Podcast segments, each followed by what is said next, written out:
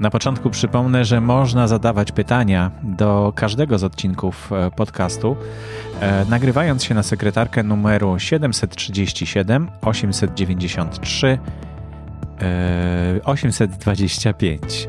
Linki, o których mowa w odcinku, pojawią się w rozdziałach w czytniku, w chapterach tak zwanych. A teraz zapraszam już do wysłuchania 129 odcinka podcastu z serii Nauka XXI wieku, który jest dostępny bezpłatnie, a powstaje wyłącznie dzięki wsparciu słuchaczy.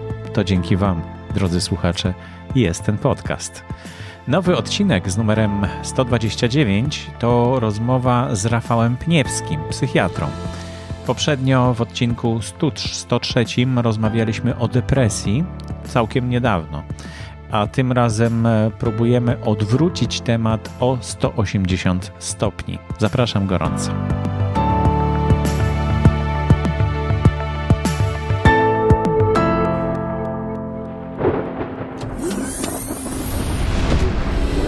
All we need to do is make sure we keep talking. Przy mikrofonie Borys Kozielski, witam serdecznie w kolejnym odcinku Nauki XXI wieku. Do mikrofonu zaprosiłem dzisiaj starego znajomego, Rafała Pniewskiego. Dzień dobry. Dzień dobry. Mówię, że starego znajomego, bo nagraliśmy już trzy odcinki mhm. wspólnie podcastu Nauka XXI wieku. Pierwszy z nich to e, odcinek numer 69 zagadnienia psychiatrii. Yy, no, trzy lata temu dokładnie, 2018 rok, 8 sierpnia. Drugi odcinek, który wspólnie nagraliśmy, to 85 odcinek o alkoholu mhm. w 2019 w maju. No a trzeci o depresji rok temu, 5 yy, kwietnia 2020 roku. Mi się wydawało, że to było dużo dawniej, ale te tematy wracają, bo dużo słuchaczy bardzo mają, e, szczególnie ten o depresji. I dlatego zaprosiłem Cię dzisiaj do mikrofonu, żeby porozmawiać o czymś, co jest odwrotnością depresji bo depresja dotyka sporo ludzi, ale generalnie jest to choroba, która jest jakimś tam no, no, patologią, tak? To znaczy, to nie jest stan normalny.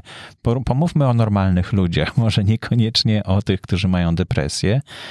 Jak oni radzą sobie, chcąc sobie polepszyć życie na przykład.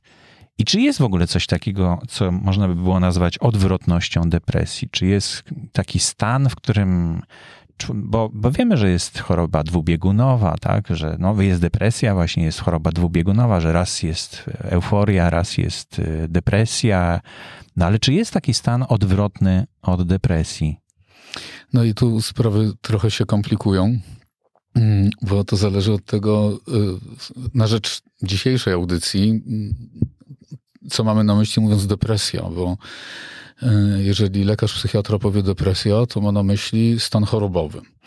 E, ale e, jeżeli tak poza kontekstem lekarskim pomyślimy o takim stanie, w którym jest smutek, przygnębienie, tak? poczucie mhm. winy, niepokój, jakieś przewidywanie pesymistyczne tego, co będzie, to przecież może to być stan żałoby.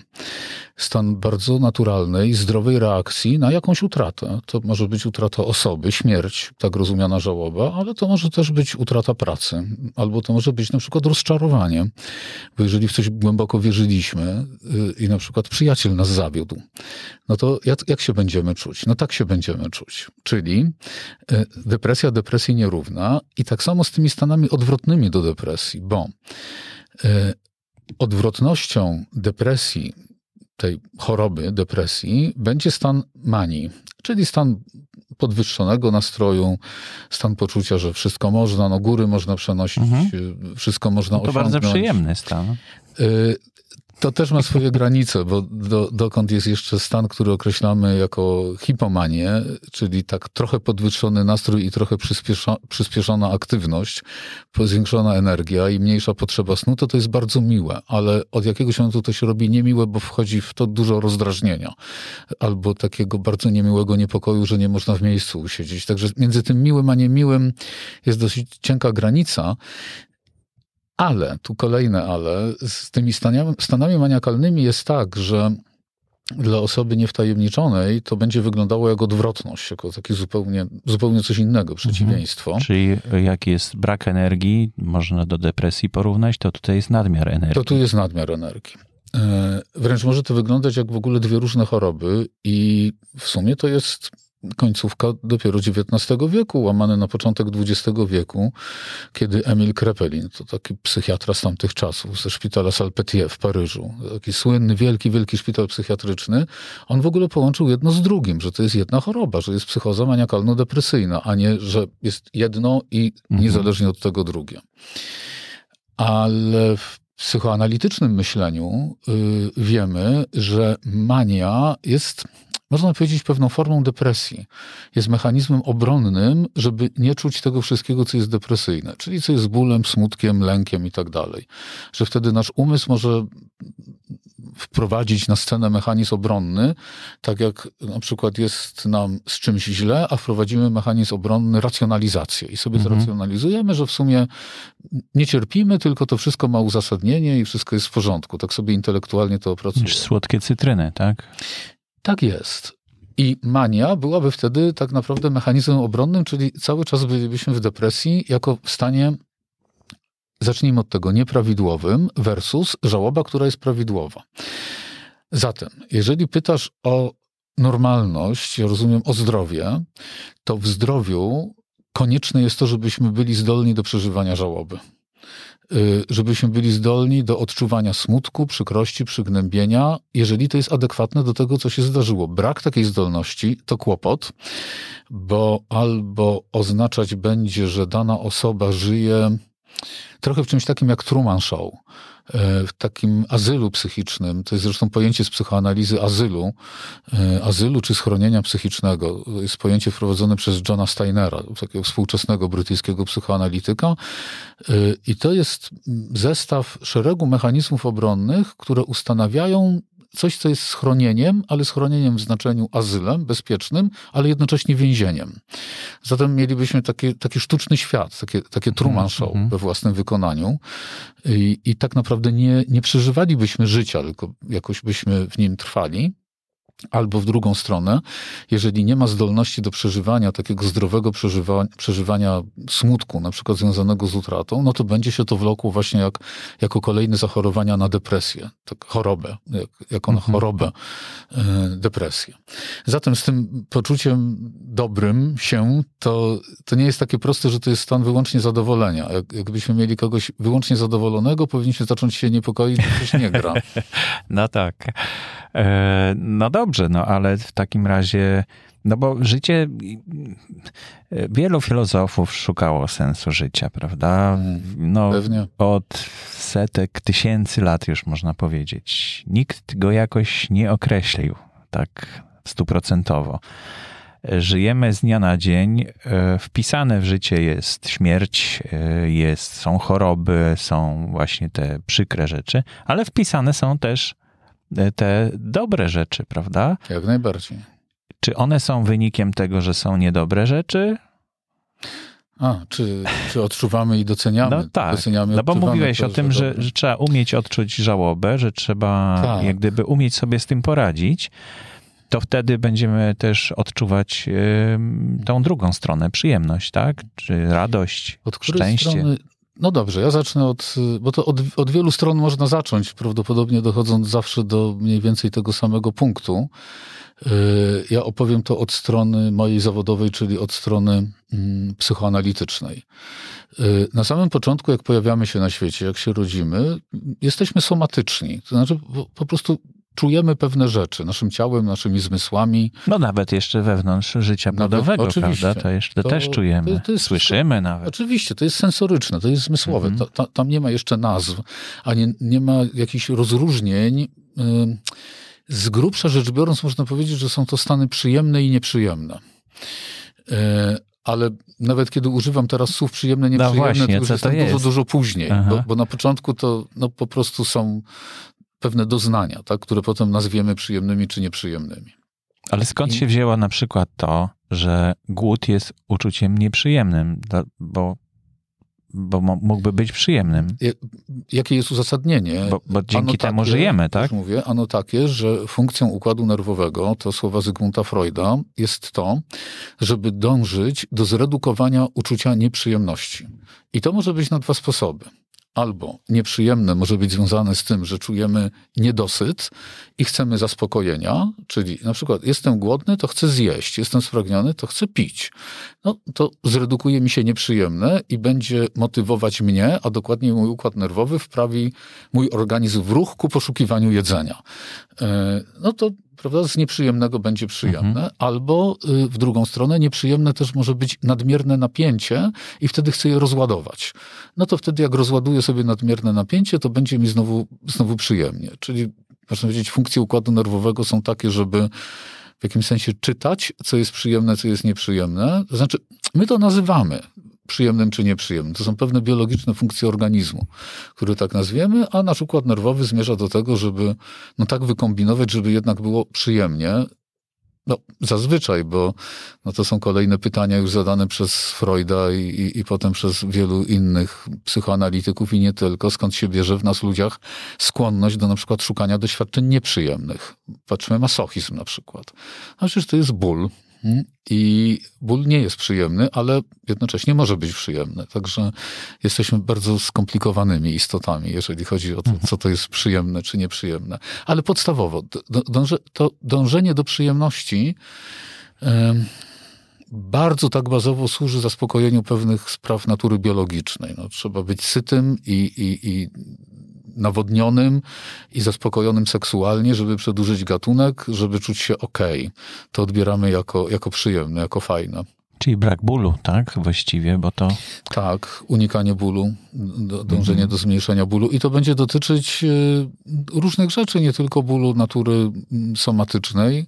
Zresztą to jest bardzo blisko jedno i drugie. Ból jest somatyczny, tylko on w naszym świecie psychologii i umysłu może być bólem na przykład właśnie utraty, mhm. bólem ogromnego rozczarowania, upokorzenia, no to też jest ból. Dużo zrobimy, żeby go nie doświadczyć, albo dużo zrobimy, żeby, żeby go jakoś zniwelować. Mhm. Czyli nie znajdując sensu życia, e, żyjemy przecież, tak? I nie chcemy stracić tego życia to już jest jakiś powód, e, to już jest jak gdyby wyjście ponad kreskę, prawda? No bo gdyby nie, no to, to by nam to było obojętne. Oczywiście. No, można znowu myśleć tak czysto biologicznie o instynkcie samozachowawczym, że y, są w nas mechanizmy, które będą służyć temu, żeby było, żebyśmy podtrzymali życie, własne życie, żebyśmy uniknęli niebezpieczeństw. Ale no, na, na pewno ten poziom biologiczny to nie wszystko, albo miejmy nadzieję, że nie wszystko, bo wtedy te wiele tysięcy lat dociekań filozoficznych okazałoby się nic nie warte. Prawda? To byłoby tylko jakąś takim na, na, nałożoną, dosyć arogancko, wszechmocną ludzką wizją, że wymyślimy jakiś sens, podczas kiedy tak naprawdę to są czysto biologiczne funkcje. Y, ja myślę, że to jednak jest trochę bardziej złożona sprawa niż biologia i nie chodzi mi tutaj o jakieś takie wywyższanie nas, ludzi, nad inne istoty żyjące, że jesteśmy wyjątkowi, duchowi i tak dalej. Bardziej myślę o tym, że umysł to, to nie jest to samo co mózg. Mózg, ok, struktura biologiczna, struktura układu nerwowego, natomiast umysł jest czymś więcej. To, to, nie jest taka prosta suma, że dodamy jedno do jednego i nam wyjdzie jakieś zachowanie. To są o wiele bardziej złożone sprawy, także tutaj jest o czym myśleć. Plus, yy, uważam, że te dociekania, co, co to właściwie jest szczęście, że to ma też pewną wartość taką ku yy, szukaniu lepszego życia E, to zresztą od zarania dziejów się dzieje, że, e, że szukamy sposobu na lepsze życie i w kółko zadajemy to pytanie, jak żyć lepiej. Niekoniecznie przestrzegamy tego, bo e, pomysły na to, jak żyć lepiej, no tak bardzo podstawowo. Na przykład dbać o aktywność fizyczną, o dobrą kondycję fizyczną, dbać o zdrowe żywienie się, wysypianie się i tak dalej. Niekoniecznie picie, ćpanie, palenie tytoniu. No wszystko wiemy. No, większość dorosłych ludzi, jeżeli, nawet nie dorosłych ludzi, jak ich zapytamy, na czym polega zdrowy tryb życia, wymieni nam to natychmiast. A jak niewielu tego przestrzega. Także niby ten przepis mamy na dobre życie. No to ale... już rozmawialiśmy o tym, że coś jest też takiego w człowieku, że jak gdyby, no okej, okay, wiem, że to jest szkodliwe, ale, ale ja to robię.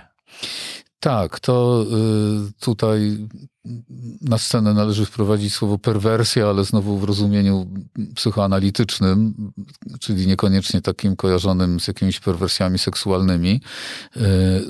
Jedynie, bo w psychoanalitycznym rozumieniu to jest właśnie taki bardzo specyficzny sposób pracy naszego umysłu, który zdaje sobie z czegoś sprawę, a jednocześnie temu zaprzecza. Czyli wiem... Coś, czego maszyna nie potrafi. Tak. Komputer nie Na razie. potrafi. Mhm. Na razie, bo to zobaczymy, co, co będzie za chwilę. E, Ale tak, to ma, maszyna tego nie zrobi. To prawda. To z tym wygrywamy z maszyną, czyli takim, no taką głupotą właściwie, tak? No bo takim głupim myśleniem, że coś nam nie szkodzi, podczas gdy szkodzi. To, to da się wyjaśnić. No znowu, sprawa jest mocno złożona, bo skoro już wspomniałem o takich perwersyjnych rozwiązaniach, no to wszyscy w sobie znajdziemy takie perwersyjne myśli, czyli że coś wiemy, a nie wiemy jednocześnie i niekoniecznie oznacza to jakąś psychopatologię, to, to po prostu część naszego wyposażenia. Poszukiwanie granic też chyba jest tutaj istotne, prawda? Dziecko wie, że mówi się mu, że nie dotykaj żelazka, bo jest gorące, ale i tak dotknie i się oparzy. Nie? No, trzeba sprawdzić, czy na pewno. Jasne. A to też jest na naszym wyposażeniu biologicznym i część, część z nas to są eksperymentatorzy i będziemy naprawdę sami chcieli wszystkiego sprawdzić. Część z nas ma naturę bardziej zachowawczą i, i raczej będziemy, będziemy unikać. E, Ale wracając do tego, skąd się bierze w ogóle takie, takie pokrętne wydawałoby się myślenie, e, bo jak popatrzymy z lotu ptaka, powiemy, no kurczę, no nie mądre, no głupie to. Ale Rzecz w tym, że nasza nieświadomość nie kieruje się taką logiką jak nasza świadomość. Z punktu widzenia naszej nieświadomości nadrzędnym jest to, żeby było przyjemnie. Czyli jeżeli na rzecz tego, żeby było mi przyjemnie, będę musiał zaprzeczyć jakiejś prawdzie, która jest po prostu okropna i mojemu nieświadomemu umysłowi wygodniej będzie w sumie zaprzeczyć tej przykrej prawdzie, niż podjąć działanie ku zmianie. Przykład, różne tak zwane toksyczne związki. Przecież życie z kimś, kto jest naprawdę, no żyć nie daje, pod jednym dachem latami, no to jest skazywanie siebie i, nie wiem, dzieci na przykład, jeżeli są w rodzinie, na udrękę. A jednak tak się dzieje latami. No, są osoby, które żyją pod jednym dachem z osobami, które po prostu no, dręczą, które przekraczają wszelkie granice, które są agresywne i tak dalej. i Tak No dalej. i ludzie z zewnątrz patrzą, mówią, no jak ty możesz wytrzymać, jak to A no właśnie, a no właśnie. Logika nieświadomości jest taka, że wysiłek, który miałby być podjęty ku zmianie, jest mniej opłacalny niż pozostawanie w tym, co znane. Hmm? Na tym polega ten paradoks. I żeby utrzymywać taki stan rzeczy, to pewnym prawdom trzeba zaprzeczać. Czyli wprawdzie mam na tacy podane, że dzieje się źle, ale mój umysł będzie mi podpowiadał, a może tylko na chwilę, a właściwie to dobry człowiek jest i tak dalej, i tak dalej. I Już mamy to perwersyjne myślenie włączone w służbie utrzymania logiki nieświadomości. Pamiętam taką anegdotę e, podczas spotkania w sali kongresowej, gdzie e, taka znana firma e, robiła takie spotkania motywujące. I tam padł taki dowcip, który do dzisiaj pamiętam. No to były fantastyczne takie spotkania z, z ludźmi, którzy potrafili motywować. I on opowiadał o tym, że przychodził do znajomych i u tych znajomych był pies. I ten pies leżał pod stołem i on od czasu do czasu tam tak kwilił, wił, wył, tak jakby mu coś przeszkadzało. I tak w końcu ten występujący spytał się e, gospodarza, co, co z tym psem jest, co, co mu jest. Bo tam jest gwóźdź, gdzie on leży, ten pies. On mówi, no to ten pies nie może się przesunąć, no ale aż tak bardzo go nie boli. Więc on po prostu dalej tkwi w tym, ale jęczy. I to coś podobnego jest, tak? Rozumiem w życiu. Bo To chcesz być chodzi. blisko ludzi, Mhm. tak? No bo ten pies chciał być prawdopodobnie w tym miejscu, e, gdzie, gdzie mu jest przyjemnie, ale coś tam jest nieprzyjemnego, natomiast ta nieprzyjemność jest mniejsza niż ta przyjemność, tak? Tak, nadrzędna potrzeba bycia blisko ludzi, chociaż szkoda mi tego psa. Pie- Pies raczej sam gwoździa nie wyciągnie ani nie wbije głębiej. Można by liczyć na właściciela. No właśnie to świadczyło raczej o właścicielu Tak. ta sytuacja niż, niż o tym. No ale to, to jak odbieramy, to no, on może w końcu ten pies zacząć kojarzyć, to, że to jest przyjemne, tak? To to jest ta perwersja chyba, tak? W tym momencie się rodzi. Czy psy byłyby do tego zdolne? Wątpię. Wątpię. Y, Musiałbym to zgłębić i, i, i w ogóle ciekawi mnie ten temat, jak to, jest, jak to jest z psami. Dzisiaj na przykład przeczytałem o tym, że psy potrafią się śmiać, że mają taki Ogonem. ogon, ale nie, właśnie nie tylko. One się potrafią śmiać takim dyszeniem, które Aha. jest odpowiednikiem naszego śmiechu. I to zbadano, że kiedy takie dyszenie puszczono z nagrania psom innym, to zwiększ, zwiększała się ilość machania ogonem. Mhm. Zatem prawdopodobnie jest to dźwięk, który jest odpowiednikiem naszego śmiechu, który może zarażać nas ludzi. Tak, były takie badania prowadzone, że Ciekawe. zwierzaki mogą się śmiać. Szczury mogą się śmiać, delfiny, ale psy. Psy mnie najbardziej tutaj zaciekawiły. Natomiast nie, nie, nie sądzę, jako też właściciel i miłośnik psów i, i obserwator ich zachowań, jakoś nie wierzę w to, żeby psy miały taką masochistyczną skłonność, żeby nieprzyjemne zamienić sobie w doświadczenie, że a właściwie fajne.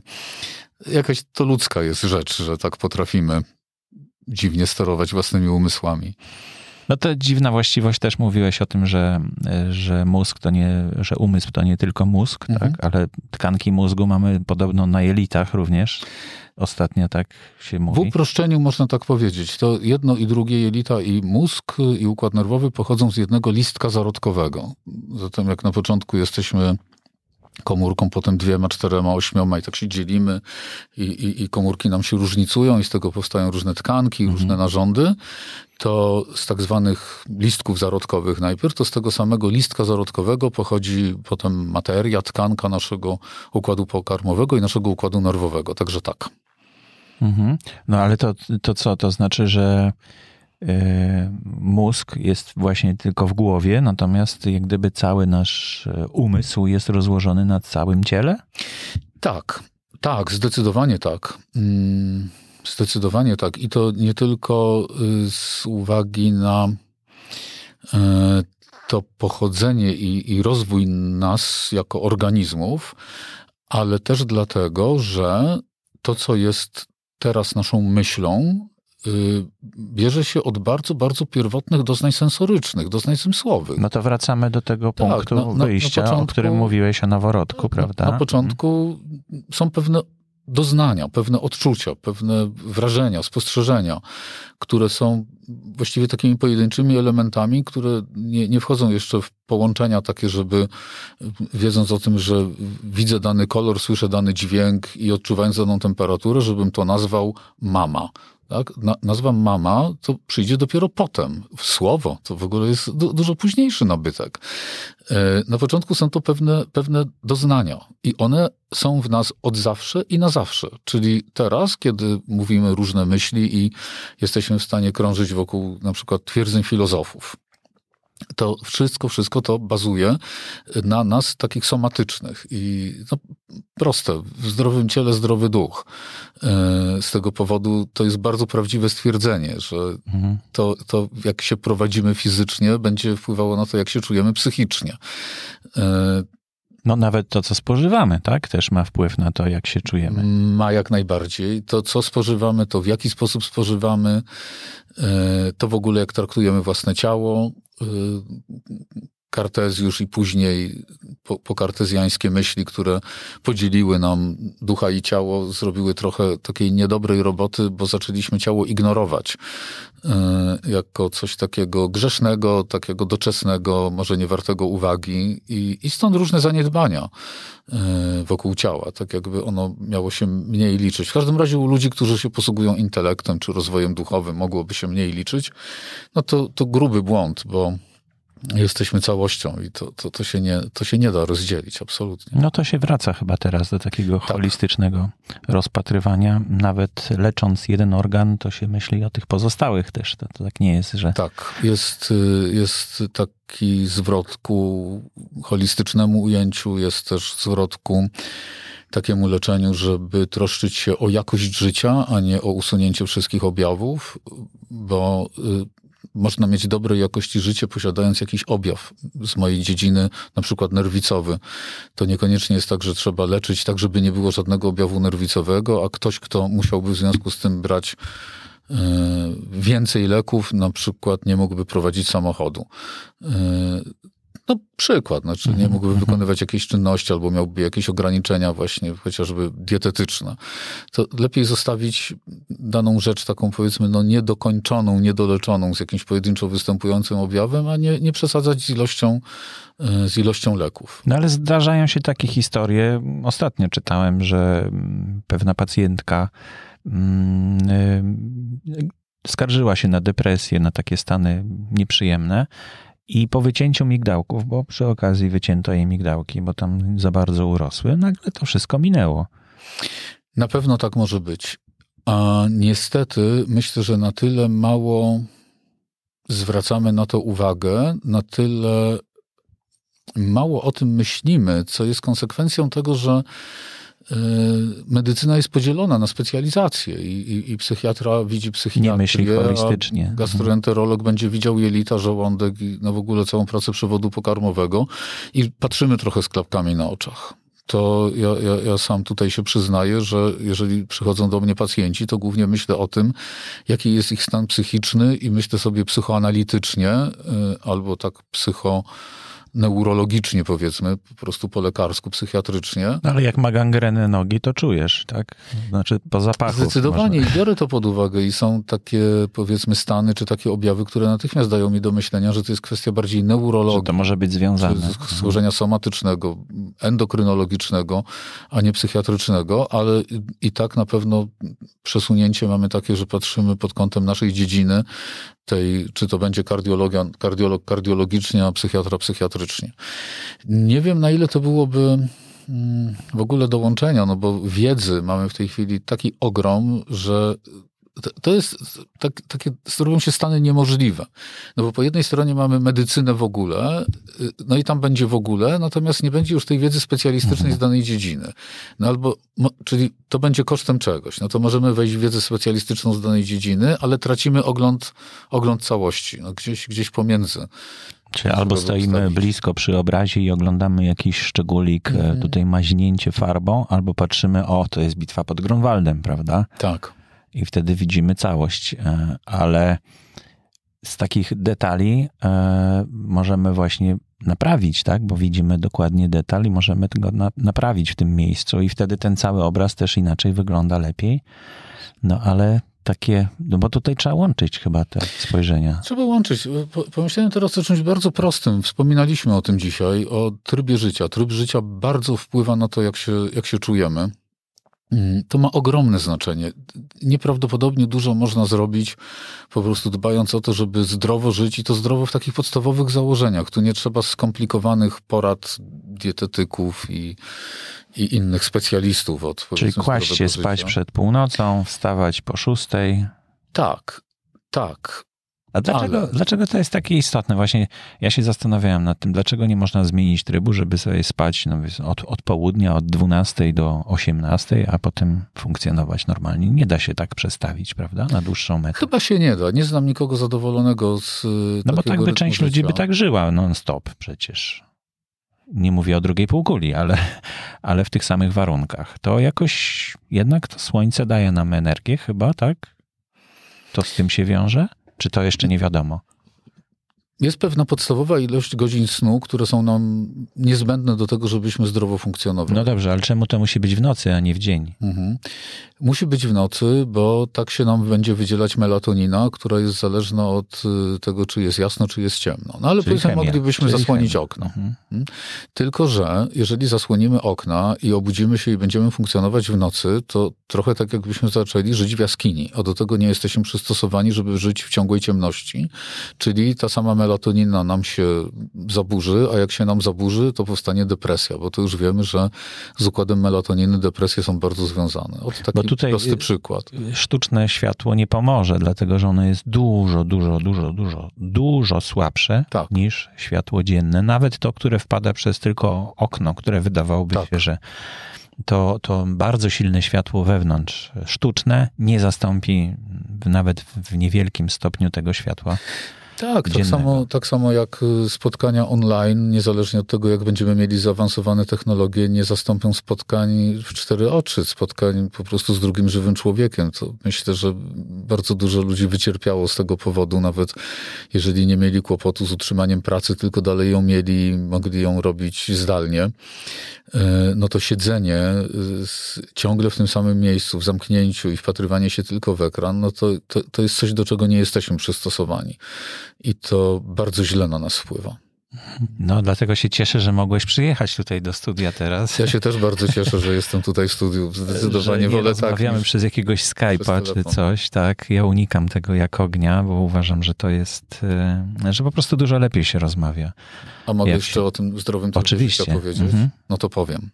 Bo y, od tej myśli o nas, lekarzach, że dobrze by było, żebyśmy bardziej o to dbali i namawiali naszych pacjentów do tego, żeby dobrze się prowadzili, ale w takim naprawdę życzliwym bardzo sposobie myślenia o tym, co to znaczy dobrze się prowadzić, to zwróciłem uwagę na to, że wcale nie jest łatwo przekonywać pacjentów do tego, że, że jest to tego warte. Zatem to taka odezwa do pacjentów z kolei w drugą stronę, żeby też sami brali to swoje ręce albo na swoich lekarzy naciskali, żeby dostać pewne porady ewentualnie, albo żeby dostać coś w rodzaju nawet takiego dopingu Co z tego będzie? do tak? tego, żeby, żeby tak było, bo pewne rzeczy są banalnie proste. No, proszę zadbać o aktywność fizyczną trzy razy w tygodniu przez godzinę. Ale po co, tak? To nie jest dużo, naprawdę Mhm. to nie jest dużo, ale to wcale nie jest takie proste, żeby, żeby osoby różne przekonywać, chociaż można naprawdę punkt po punkcie wypisać, jakie korzyści z tego będą wynikać. Za bardzo wierzymy, y, czy za bardzo szukamy takich czynników zewnętrznych, które zrobiłyby coś za nas, a za mało doceniamy własne możliwości i szkoda. Czyli po tabletkę byśmy chcieli sięgnąć prawdopodobnie, która nam tutaj wszystko Tak. załatwi. No ale to były takie przecież pomysły, że no, tabletka, chemia, że człowiek jest istotą chemiczną generalnie, no i wystarczy mu podać jakiś tam składnik i nagle się lepiej czuje, prawda? Oczywiście. E, jest zadowolony, szczęśliwy, e, nawet Masz powiedzmy... na, na myśli ekstazy na przykład. Tak? No, na, no nie wiem, jakąś chemię, prawda? Mhm. I generalnie nie wiem, nie znam się więcej, więc nie, nie będę wchodził w szczegóły, nie próbowałem za, za dużo. No ale na przykład jak zjem pomidora, to, to następnego dnia czuję się lepiej. E, chociaż ciężko to skojarzyć, prawda? No bo to nie jest jakiś stan takiego, że o, nagle czuję się dużo lepiej, tylko po prostu inaczej mi się myśli na przykład. E, Jak e, z kolei jestem głodny przez dłuższy czas, no to zaczyna mnie boleć głowa i zaczynam się czuć fatalnie, tak? Mhm. I, i ale tutaj, no to wydawałoby się pomidor. No pomidor to pomidor, ale jeśli mamy konkretny składnik chemiczny, związek chemiczny, który wiemy, że to właśnie ten w pomidorze jest, tak? I że to tam ta dopamina, czy coś tam, serotonina, powiedzmy, Mhm. i że jeśli to podamy w czystym składzie, no to nam jak gdyby zastąpi ten pomidor i bardzo trafnie e, jak gdyby zadziała. To dlaczego to nie działa na dłuższą metę? Przecież moglibyśmy cały czas takie tabletki sobie łykać codziennie, żeby mieć dobry nastrój, żeby być szczęśliwym. Ale tak się nie dzieje. Tego, nie, nie można tego mm, omawiać w oderwaniu od kontekstu albo kontekstów, bo y, jeżeli będziemy mówić o osobach zdrowych, y, załóżmy, że istnieje coś takiego jak takie podstawowe wyposażenie genetyczne, biologiczne, które sprawia, że możemy być zdrowi. To to zdrowie możemy sobie albo podtrzymać, albo możemy sobie popsuć. Jeżeli będziemy dbać o to, co jemy i jak żyjemy, to podtrzymamy. Jest- Nic więcej nie trzeba, albo nawet sobie trochę poprawimy jeszcze. No ale jeżeli będziemy katować nasze organizmy dużą ilością tytoniu i alkoholu, no to pewnie, że sobie popsujemy, choćbyśmy nie wiadomo, jak fajne wyposażenie genetyczne mieli. No, No, środowisko też nam nie tutaj zmiłu, dorzuca no to- trochę, prawda? I tak spaliny, i smog, i, i ten mikroplastik, o którym ostatnio. Rozmawialiśmy. Oczywiście. Zatem y, troska o to, jak się żywimy, co jemy, z nadzieją, że to mogłoby przynosić szeroko rozumiane dobre samopoczucie czy poprawę samopoczucia, jak najbardziej tak. Słuszne, logiczne, sensowne i pasuje do osób zdrowych. Ale nie wszyscy jesteśmy zdrowi. Są ludzie, którzy chorują i chorują nie dlatego, że coś jest nie tak z ich myśleniem, czy że źle się prowadzą. Y, chorują, bo z kolei mają na wyposażeniu biologicznym pewien defekt, pewien deficyt, który sprawia, że na przykład ilość neuroprzekaźników, gdyby biologicznie myśleć, jest niewłaściwa. No takich neuroprzekaźników jak serotonina czy dopamino. I jeżeli ta ilość jest niewłaściwa, to, to jest oczywiście ogromne uproszczenie z ilością, mm -hmm. bo to, to, to nie chodzi o to, że jest mniej, więcej. To są o wiele bardziej złożone mechanizmy, ale żeby to jakoś zobrazować. Jeżeli ta ilość jest niewłaściwa i jest za mało, no to żadną dietą tego się nie da skompensować. To nie ma, nie ma takiej możliwości. To po, po, prostu to jest niemożliwe, to zbyt, zbyt duże ilości, albo w drugą stronę zbyt małe byłyby ilości substratów y, ku tworzeniu neuroprzekaźników w naszej diecie, żeby można było y, to jakoś y, naprawić. Y, jeżeli pomyślimy o medycynie naturalnej, tak zwanej naturalnej, czyli powiedzmy bierzemy te substancje, które wyrosły nam w lesie, na łąkach i tak dalej, to y, to, co jest w roślinach, to są po prostu substancje czynne. One są tak samo psychoaktywne jak leki produkowane w fabryce. Y, no i czy one zostaną zebrane na polu, czy zostaną wyprodukowane w Afryce, no to chemicznie, no to jest po prostu pewna cząstka, która oddziałuje na receptory w naszym mózgu, no i możemy się poczuć lepiej, albo gorzej, albo inaczej. Y, także tam ziołami, no no, to może nie jest to samo co tabletkami, ale, ale też tak bardzo się nie różni. To, to, to bardziej jest to trochę takiej magii, czy daną rzecz kupimy z recepty w aptece, czy, czy kupimy w sklepie zielarskim e, z takim trochę rytuałem mhm. magicznym. E, ja zresztą mam. No tak, ale to ma znaczenie, prawda? Bo to, to taka motywacja, tak widzisz, że. To ma ten... znaczenie i to ma, ma ogromne znaczenie. Zdarzyła mi się. Efekt placebo w ogóle przecież, tak? Tak, zdarzyła mi się kiedyś historia w czasie podróży do Indii, gdzie osobę całkiem mi bliską bardzo miałem ambicje wyleczyć z nagłego zapalenia oskrzeli. E, I zaproponowałem antybiotyk, augmentin. Taki znany po prostu szeroko widmowy, działający na wiele bakterii antybiotyk i zostałem oprotestowany, że nie, że to za proste. No jak to? No zobaczyłem, że kaszle i gorączkuje i co, od razu antybiotyk. No więc zostałem jako polski, europejski lekarz zignorowany, oprotestowany i został zawezwany lekarz hinduski, Aha. który przybył i ten lekarz zachował się inaczej, ponieważ wziął za rękę, zmierzył puls w jednym miejscu, w drugim miejscu, porozmawiał, popatrzył głęboko w oczy, podotykał, pomacał, po czym powiedział augmentin i to był ten lek. Czyli to samo, tak? Dokładnie, ale te, ta sama nazwa samo. nawet, tak? Y, chyba nawet była ta sama nazwa handlowa, ale na pewno była ta sama substancja. Aha, aha, no tak, ale to wtedy zadziała. Wtedy zadziała, tak. wtedy zadziała. No dobrze, ale czy możemy w takim razie, yy, czy, ta, czy na przykład różnorodność jedzenia jest tutaj jakimś wyjściem? No bo jak wiemy, że, że, że jeśli pijemy kawę non-stop, trzy razy dziennie, no to ona przestaje działać, ta kofeina, prawda, czy herbatę. No, przestaje działać, bo nasze receptory przestają być na nią wrażliwe. Mm, także tak, no nie, nie uzyskamy tego efektu, jeżeli nam o dany efekt chodzi, bo można pić kawę dla smaku też. Rozumiem, że chodzi tu o ożywienie się, tak, żeby e, tak, pić no, kawę, żeby hmm. dodać sobie energii, tak, no, że to dodać sobie bystrości końcu, umysłu. W końcu staje się niezdrowe chyba, jeśli za dużo pijemy kawy. Bo... Tak, umiar, umiar, złoty środek. Ja, ja wiem, ta że to... różnorodność właśnie tutaj jest jakąś podpowiedzią, tak, żeby tak. raz sobie zjeść to, raz tamto, a raz kuchni indyjskiej spróbować, a raz tam śródziemnomorskiej powiedzmy. No, ja to wszystkim bym to rekomendował. To nie znaczy, że wszyscy to kochają. Ja lubię różnorodność. Ja te, teraz właśnie te, bardzo przyglądam się takiemu tematowi, co to jest, że różnimy się tym, że y, niektórzy z nas bardzo poszukują różnych nowości, a inni y, są raczej przy tym samym. Tradycjonaliści, czyli tak. schabowy. I, i no, no różnimy się. To też najprawdopodobniej Wśród wielu, wielu różnych czynników są to też pewne wrodzone w nas um, układy, um, takie neuroprzekaźnikowe um, na poziomie neurologicznym, powodujące, że mamy większe zapotrzebowanie na stymulację albo mniejsze. Y, to wszystko zależy od tego, ile mamy katecholamin, czyli właśnie tych neuroprzekaźników już wspomnianych dopaminy, serotoniny. Niektórzy z nas genetycznie mają uwarunkowany dosyć niski poziom z zapotrzebowaniem na wyższy. Czyli... No ale czy tego nie można rozwinąć? Do, do niedawna słyszeliśmy, że mózg przestaje się rozwijać w pewnym wieku. Okazało się, że nieprawda, że dalej może, mogą się rozwijać połączenia neuronowe i można wykształcić. Czy można sobie to wykształcić? Myślę, że można.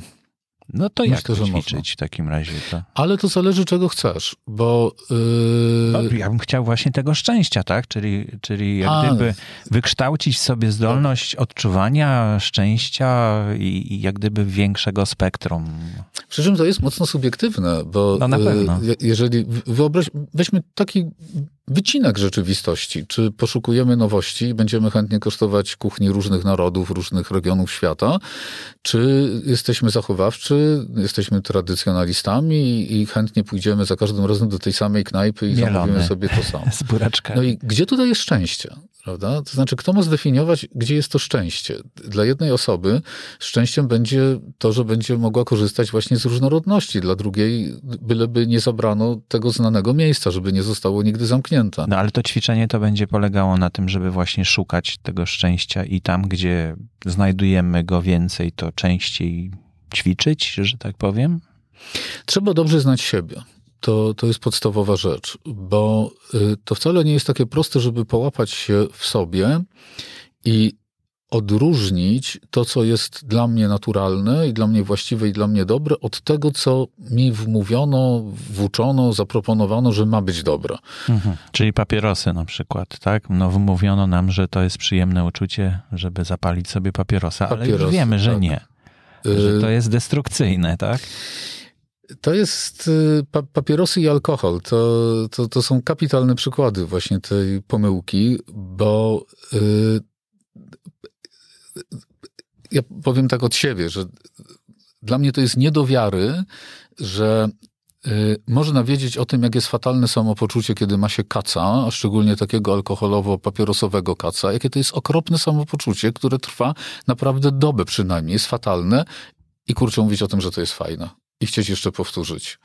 No, nie, nie wiem, jak to no się to jest, robi. To jest to, co w tej naturze ludzkiej jest, to, to o czym plus, rozmawialiśmy. Y, plus propaganda plus y, propaganda y, taka w znaczeniu społecznym, kulturowym. No ale to ta propaganda jest wszędzie, tak? tak. Cukier jest, cukier krzepi, prawda?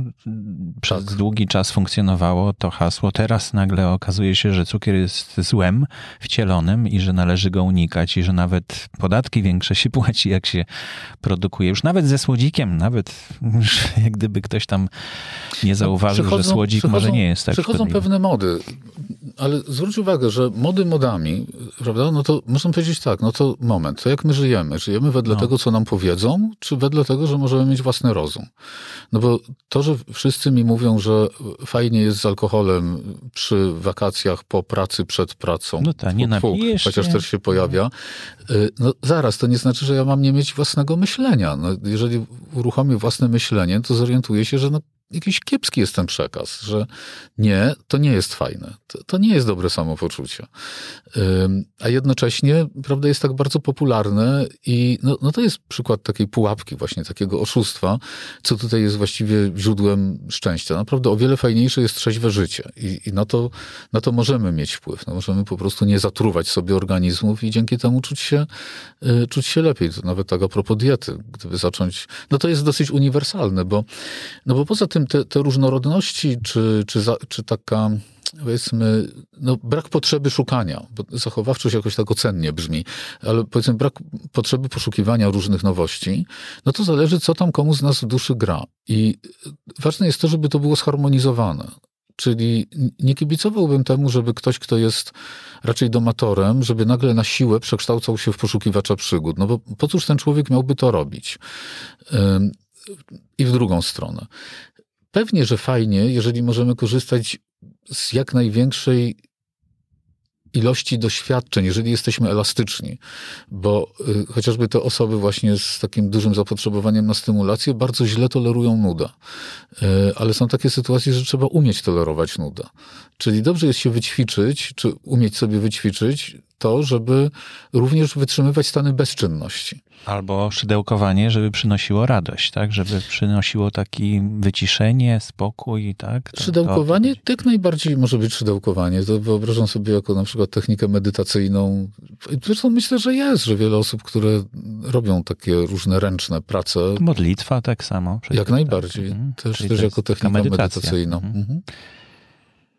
No właśnie, czyli możemy trochę myśleć o tym w ten sposób. No ale ty mówisz, że, że lekarz czasem no, coś wytrąca się z równowagi, mówi proszę zmienić tryb życia, tak? I no i co? I, i to, niektórzy to robią, a inni to jest bardzo trudno, tak? To znaczy tryb życia, te kolejny, w których jesteśmy przez wiele dziesiątków lat, to może być palenie papierosów, to może być też ta lampka wina, powiedzmy, codziennie wieczorem, tak?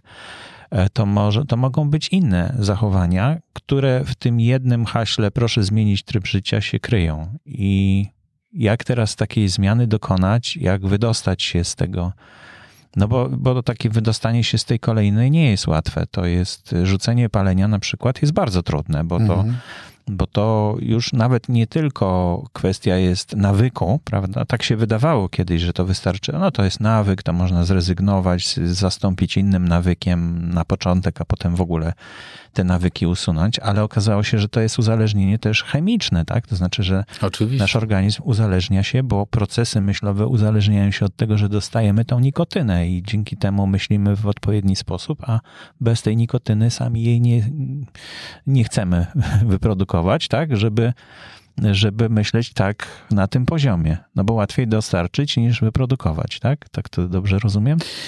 No tak, tylko pytanie w ogóle, czy ona jest w takich ilościach potrzebna, bo paląc przyzwyczajamy mózg do tego, że ma Jak być nam kawą. potrzebna, mhm. że ma, ma, nas stymulować, natomiast to nie jest stan naturalny. No, to wystarczyłoby zapytać to, powiedzmy, że nie, nie wiem ile teraz lat mają współcześnie ludzie, kiedy zaczynają palić papierosy, załóżmy, że mają 16, no to 16 lat jakoś obyli się bez y, nikotyny dostarczanej z zewnątrz i dobrze się mieli. I, I, co to znaczy, że nagle zaczynają się mieć źle? To jest, to jest błędne koło w uzależnieniach w ogóle, że w jakimś momencie dostarczanie substancji już nie jest po to, żeby poczuć się lepiej, tylko żeby przestać się czuć źle, źle w związku z tym, że mi zaczyna tam spadać, spadać poziom substancji. Z czysto praktycznego punktu widzenia ja naprawdę nie jestem teoretykiem. Jeżeli chodzi o różne używki, jestem wieloletnim praktykiem, który ma to na szczęście za sobą.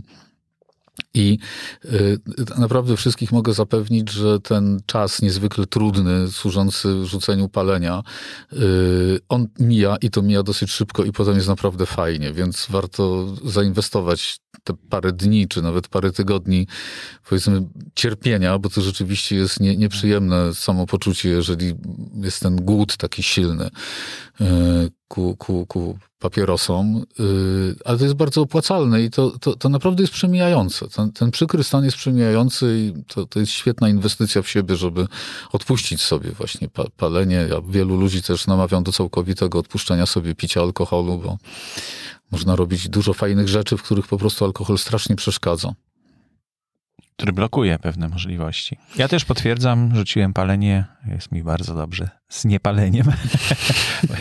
tak. No. tak. Ale wiesz co, jeszcze jedna rzecz mnie interesuje, bo hmm, chyba jakaś zmiana się dokonuje w, w naukowym myśleniu o dobrostanie człowieka, można tak powiedzieć, prawda? Czyli do tej pory myśleliśmy, że o, cholesterol, jajka równa się cholesterol, prawda? I a teraz, teraz mówi się, no nie zawsze. Mhm. No bo jeśli dieta jest e, uboga w węglowodany, a bogata w białko, no to cholesterol się nie odkłada. Nawet z jajek, prawda? Czyli cholesterol wtedy nie równa się jajka. I nagle okazuje się, że te, że te, te recepty to należałoby pisać nie na zasadzie, że o grypa to przepisujemy to lekarstwo, tylko że właściwie dla każdego należy E, dostosować, nawet genetycznie sprawdzając jego zdolności, jakieś lekarstwo, które trafi dokładnie w tą chorobę, którą on ma, tak? No tak byłoby idealnie. To w praktyce byłoby bardzo trudne do, e, do zastosowania, żeby tam na przykład geny tak zbadać, żeby powiedzieć. Ale to się już dzieje. To się już dzieje, już, już się bada, już yy, sprawdza się na przykład. Wiem, że możesz sobie zrobić badanie, które kosztuje, nie wiem, tam 200 czy 500 złotych i wtedy wiesz, jaki, leka, jaki lek przeciwbólowy na ciebie będzie bardziej działał, a, nie, na, a który będzie ci szkodził na przykład. Bardzo możliwe, że wkrótce to będziemy mieli, y, bo jeżeli popatrzymy na to, jaki jest rozwój technologii, to, to wyobrażam sobie, że to jest tuż, tuż rzeczywiście możliwość wykonywania takich badań. Teraz to co, to, co wiemy, to myśląc o lekach przeciwdepresyjnych, które mają mechanizmy działania, z grubsza rzecz biorąc, powiedzmy, że będą one nastawione na dwie główne grupy neuroprzekaźników. I mhm.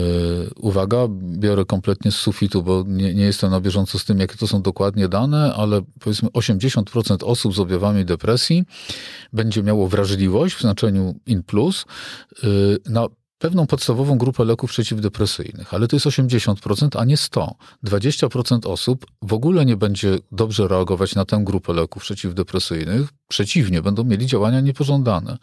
I w praktyce robimy to tak, że najpierw ordynując leczenie, bierzemy pod uwagę to, co jest najbardziej prawdopodobne jeżeli przychodzi ktoś z objawami depresji, no to po prostu jest to jakiś profil objawów. Ja wtedy mogę myśleć, że jest więcej lęku, albo więcej zaburzeń snu, albo więcej obniżonego nastroju, czy spadku napędu.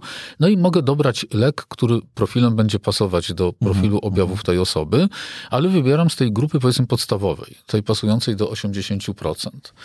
Ta osoba zaczyna brać ten lek, jest w kontakcie ze mną i zdaje mi raport z tego, jak się czuje. I dopiero potem ja się mogę zorientować, że ten człowiek na przykład jednak należy do 20% teraz. Mhm. Gdybym miał dyspozycji takie badanie, że mógłbym pacjenta czy pacjentkę skierować i powiedzieć, proszę sobie oznaczyć tutaj ten własny zestaw genów. No, te zestawy są jak linie papilarne u nas, no one no są tak. bardzo indywidualne. Proszę oznaczyć ten zestaw genów i ja wtedy będę wiedział, ten lek tak, a tamten nie, no byłoby pięknie. Tylko na razie to jest y, w praktyce, jeszcze, jeszcze nie jest dostępne tak powszechnie, żeby można było napisać skierowanie i do laboratorium za rogiem kogoś odesłać. Mhm.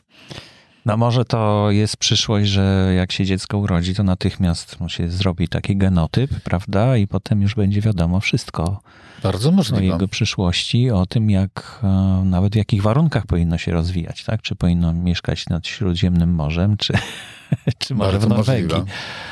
E, no tak, ale. Trochę tej losowości czuję, żeby mi zaczęło brakować, ale pomysł pewnie będzie realizowany.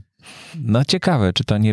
Bo przecież ludzkość, w ogóle ewolucja polega również na tym, że tworzą się mutacje, czyli mhm. takie niechciane jakieś mhm. coś, co powoduje, okazuje się, że jest rozwój, tak? No bo, tak. bo nagle komuś, nie wiem, no jest odporny na jakieś szkodliwe substancje, które na Ziemi zaczynają dominować mhm. E, i to jest mutant i, i on przeżyje, tak? Natomiast reszta nie przeżyje. To może tak mhm. tak teraz będzie z tym naszym, naszymi zmianami klimatycznymi, jeśli zdążymy się do nich jakoś przemutować na, na te zmiany klimatyczne, no bo chyba odwrócić tego to już się nie da. Mhm. E, chociaż może to jest właśnie myślenie raczej pesymisty niż optymisty. Mhm. Ale jeszcze mam jedno do ciebie pytanie na koniec, bo e, rozmawiamy o tym, no, mieliśmy też rozmawiać o hedonistach, o epikureizmie. E, Nurty filozoficzne, takie tak. szukające dobrego życia, tak? Mhm. No, Jakoś nam to nie weszło. Nazwy, nazwy od antyku znane, no, czyli co wiemy? No wiemy, że od zawsze ludzie się nad tym zastanawiali i e, ja, ja dosyć mocno też się zajmuję mm, zawodowo i tak w gabinecie i poza, zawodo, poza gabinetowo też zawodowo tym tematem. E, I mm, wydaje mi się, że takim dobrym hasłem jest po prostu pogoda ducha. I pogoda ducha. Czyli jesteś hedonistą, właśnie, tak? To niekoniecznie jest to, bo to y, hedonist to chyba, znaczy chyba jestem swoją drogą, ale, ale teraz mówię o tym, jak, jak powinno być. Także y, pogoda ducha to, to, to jest y, możliwość takiego fajnego stosunku do siebie i do życia i do ludzi y, w ramach przeróżnych okoliczności, czyli w tej pogodzie ducha będzie się mieścić też to, że, że właśnie można przez chwilę być smutnym, czy że można być rozczarowanym, że można wiedzieć o tym, że nic nie trwa wiecznie, że można wiedzieć o tym, że nie wszystkie plany zrealizuję, że niekoniecznie będę miał hipersukcesy że raz wygram, a raz będę miał porażkę. E, to jest taka bardzo dobra, to, jest modlitwa, e, taka życzeniowa modlitwa. Ona jest bardzo często wykorzystywana we wspólnotach aoskich na przykład, gdzie e, mówi się o tym, żeby Mm, mieć siłę do tego, żeby zmieniać to, co można zmieniać, y, mieć pogodę ducha wobec tych spraw, których zmienić nie można i mieć mądrość pozwalającą na odróżnianie jednego od drugiego. Mm -hmm. No to, to, to jest fajny przepis na, y, myślę, szczęśliwe życie.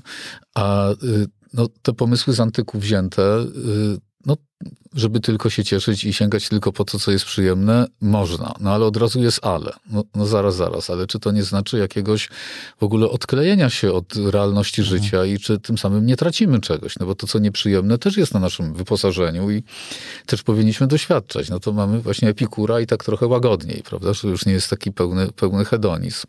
Ale do cyników stąd jest bardzo blisko, prawda? Nie przejmujmy się niczym, nic, nic nie tak, ma znaczenia. Tak, nic na nas nie wpływa w żaden sposób, tak. No, ktoś Więc... tam umarł, ktoś tam się cieszy, ale dla mnie to jest wszystko jedno. Pomysłów tak? co nie miara i nie wiem, to jest coś strasznie trudno definiowalnego, szczęście. Mm -hmm. No ale to takie są przykłady, które mają wskazać jak gdyby drogę, tak? Poszukać mm -hmm. tutaj czegoś. To jest taka ściana powiedzmy i, i rzeka i teraz no wiadomo, że nie będziesz ani w rzece no, całe życie, ani na tak. tej ścianie, tylko gdzieś tak mm. pomiędzy tą ścianą a tą rzeką i drogą jeszcze jakąś być może, nie? Mm. Więc y, no to fajnie. Tylko jeszcze właśnie mam na koniec pytanie, czy znamy może takie warunki, y, które wykluczają szczęście? No bo tak mi przyszła jedna rzecz do głowy, że człowiek jest istotą społeczną to, że my chcieliśmy się spotkać tutaj nie, nie przez e, Skype'a, tylko e, w cztery oczy, to, że człowiek w ogóle jest właśnie istotą społeczną, nie mógłby funkcjonować chyba bez społeczeństwa, prawda? To są wyjątki, że tam na wyspie bezludnej ktoś przetrwał, ale też mając nadzieję chyba na powrót do, do społeczności, prawda? Czy, czy takie warunki wykluczają szczęście? Tak. Y, pierwsze, co mi przyszło do głowy, i to y, chyba najbardziej zainspirowało mnie to, co powiedziałeś teraz, że jesteśmy istotami społecznymi. Jeżeli będziemy pozbawieni kontaktu z innymi ludźmi, to, mm, to nie będziemy szczęśliwi. Y, można wziąć oczywiście pod uwagę wyjątkowe postaci ludzi, którzy decydują się na pustelniczy tryb życia, ale oni w jakimś sensie też nie są sami, bo są w kontakcie na przykład z absolutem, albo tak myślą, że są w kontakcie z absolutem, więc mają coś w zamian. No i oczywiście tutaj to jest do dyskusji, co, co, co to jest to coś w zamian właściwie, ile w tym jest prawdy, ile w tym jest iluzji, ale wracając do podstaw, yy, brak kontaktu społecznego, no to przecież to jest kara więzienia. Prawda? Czyli na przykład myślę, że tutaj można by wymienić, myślę, że te warunki są nam ludziom znane od dawien dawna i są wpisane po prostu w zestaw stosowanych kar i tortur. E, pozbawienie wolności, pozbawienie kontaktu z innymi ludźmi. No, kontakt jest z ludźmi, natomiast nie jest kontakt wolny z tymi. No nie jest wolny, mhm. No, ale izolatka. To mhm. jako kara razy dwa, prawda, mhm. do, do, do izolatki. Cóż jeszcze? No, myślę, że takie czynniki biologiczne, pozbawienie jedzenia, pozbawienie snu, mm, pozbawienie godności, wstyd, e, wstyd, najgorsze uczucie, takie najbardziej wyczerpujące ludzkie uczucie, tak, z takich stresowych, powiedzmy. Mhm, mhm. Czyli znamy takie warunki i to stosowane są. Że można się unieszczęśliwić, albo że można kogoś, kogoś unieszczęśliwić. Tak, tak, utrata wszystkiego. To zresztą, e, no nie wiem, czy Księga Hioba tutaj pasuje, ale to jest e, taki dosyć dobry przykład tego, ile, ile można wytrzymywać. Ta, ta, historia jest zresztą dosyć, dosyć okrutna. No tak, ale to był pomysł na to właśnie, o czym mówiłeś też, że musimy sobie wy, wy, wymyślić jakiś wyższy cel, któremu to ma służyć, prawda? To nasze cierpienie, czy ta nasza niedogodność, czy to nasze nieszczęście. No tak, chyba, chyba przyszła mi właśnie księga Hioba, i a propos tego, i też a propos tego, że to jest pewien stan wewnętrzny, czy, czyli czy, no można zadać pytanie takie, czy, czy jest możliwy taki stan wewnętrzny, który da możliwość utrzymania stanu szczęścia, niezależnie od okoliczności zewnętrznych. Myślę, że nie, że aż tak doskonale nie jest. Y, wierzę w to, że są ludzie, którzy są w stanie bardzo sobie wypracować takie stany wewnętrzne, że w różnych okolicznościach i tak będą czuli się dobrze, czy w miarę będą szczęśliwi, ale też jest granica mówiąca o tym, ile warto wytrzymywać i po co wytrzymywać. Plus myślę, że jest taka granica, w której no, prędzej czy później każdy się załamie, y, w zależności od tego, jaką mamy odporność na stres. No i tutaj jest kwestia tej nadziei też chyba, jeśli ją jesteśmy w stanie utrzymać w sobie jakoś na... Nadzieja to jest coś bardzo ważnego. E, no, jej brak e, faktycznie to już nie daje żyć, bo wtedy, wtedy nie mamy nawet motywacji do tego, żeby jeszcze więcej wytrzymać. Tak teraz spotykałem się kilka razy z powstańcami e, warszawskimi, bo mamy początek sierpnia przychodzą, e, wracają tamte czasy, jak gdyby w opowieściach tych ludzi.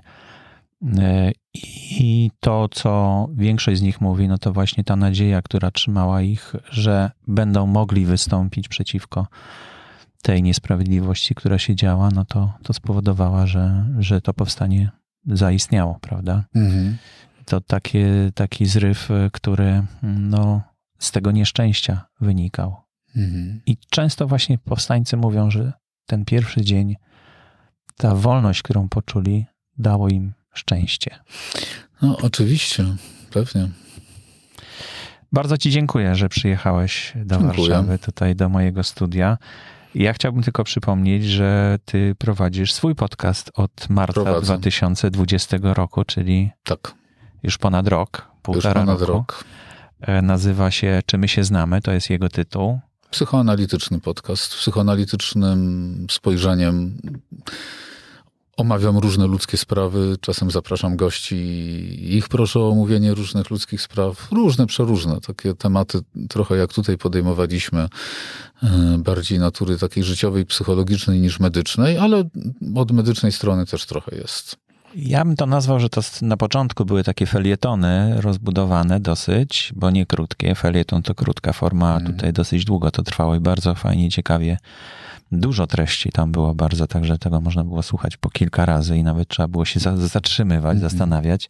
Cieszę się, że cię namówiłem, bo to chyba nawet w którymś z poprzednich odcinków razem namawiałem cię do tego, żebyś stworzył własny podcast i no się tak, udało. Tak, ja to od, od ciebie bardzo dużo wziąłem, dużo się nauczyłem i tobie dużo zawdzięczam. I teraz mówisz sprawie. mi jeszcze, że jeszcze jeden podcast e, zacząłeś tworzyć. Tak, Opowiedz jakiś czas temu uruchomiłem podcast Instytutu Studiów Psychoanalitycznych imienia Hanny Sigal. To jest stowarzyszenie psychoanalityczne. Hmm, Hanna Sigal to psychoanalityczka, taka przedstawicielka myśli kleinowskiej, czyli naszej teorii relacji z obiektem, czyli w skrócie mówiąc takiej teorii, która opowiada o tym, że nasza natura przede wszystkim da się opisać tym, że wewnątrz siebie mamy relacje z różnymi obiektami, czyli z uwewnętrznionymi postaciami, z grubsza rzecz biorąc mamy, taty, rodzeństwa, społeczeństwa itd., tak itd. Tak y, I Instytut y, tym się zajmuje, myślą psychoanalityczną, zajmuje się szkoleniem przyszłych psychoterapeutów, zajmuje się leczeniem, zajmujemy się pracą z ludźmi w podeszłym wieku i z młodzieżą i z dziećmi i z kobietami w ciąży i w okresie okołoporodowym, takimi specyficznymi grupami, grupami pacjentów i w ogóle takim rozwojem też myśli psychoanalitycznej, też połączeniem myśli psychoanalitycznej z kulturą, sztuką i bardzo do tego tak przypasował mi pomysł podcastu e, mhm. Instytutu. Cztery odcinki na razie są. To są rozmowy z psychoanalitykami, którzy są członkami tego stowarzyszenia. No i to fantastyczny, tak jak mówiłeś, e, jeszcze przed nagraniem rozmawialiśmy o tym, że to fantastyczny sposób na archiwizację tego stanu tak, stowarzyszenia. Tak, różne, różne myśli e, miewamy wszyscy e, i szkoda, że one czasami umykają, a podcast jest świetnym sposobem na zapisanie. Ich. I stanu emocji przy okazji tego, Oczywiście. czego nie da się na papierze zapisać Oczywiście. za bardzo. To znaczy trudno jest, tak? No fajnie, bardzo dziękuję. Oczywiście w notatkach do dzisiejszej audycji będą linki do obu tych podcastów. Cieszę się, fajnie, dzięki. No i, i liczę na kolejne spotkania, jak się pojawi nowy temat. Bardzo chętnie. Dobrze, to do, to do zobaczenia w takim razie. Dzięki. Dzięki.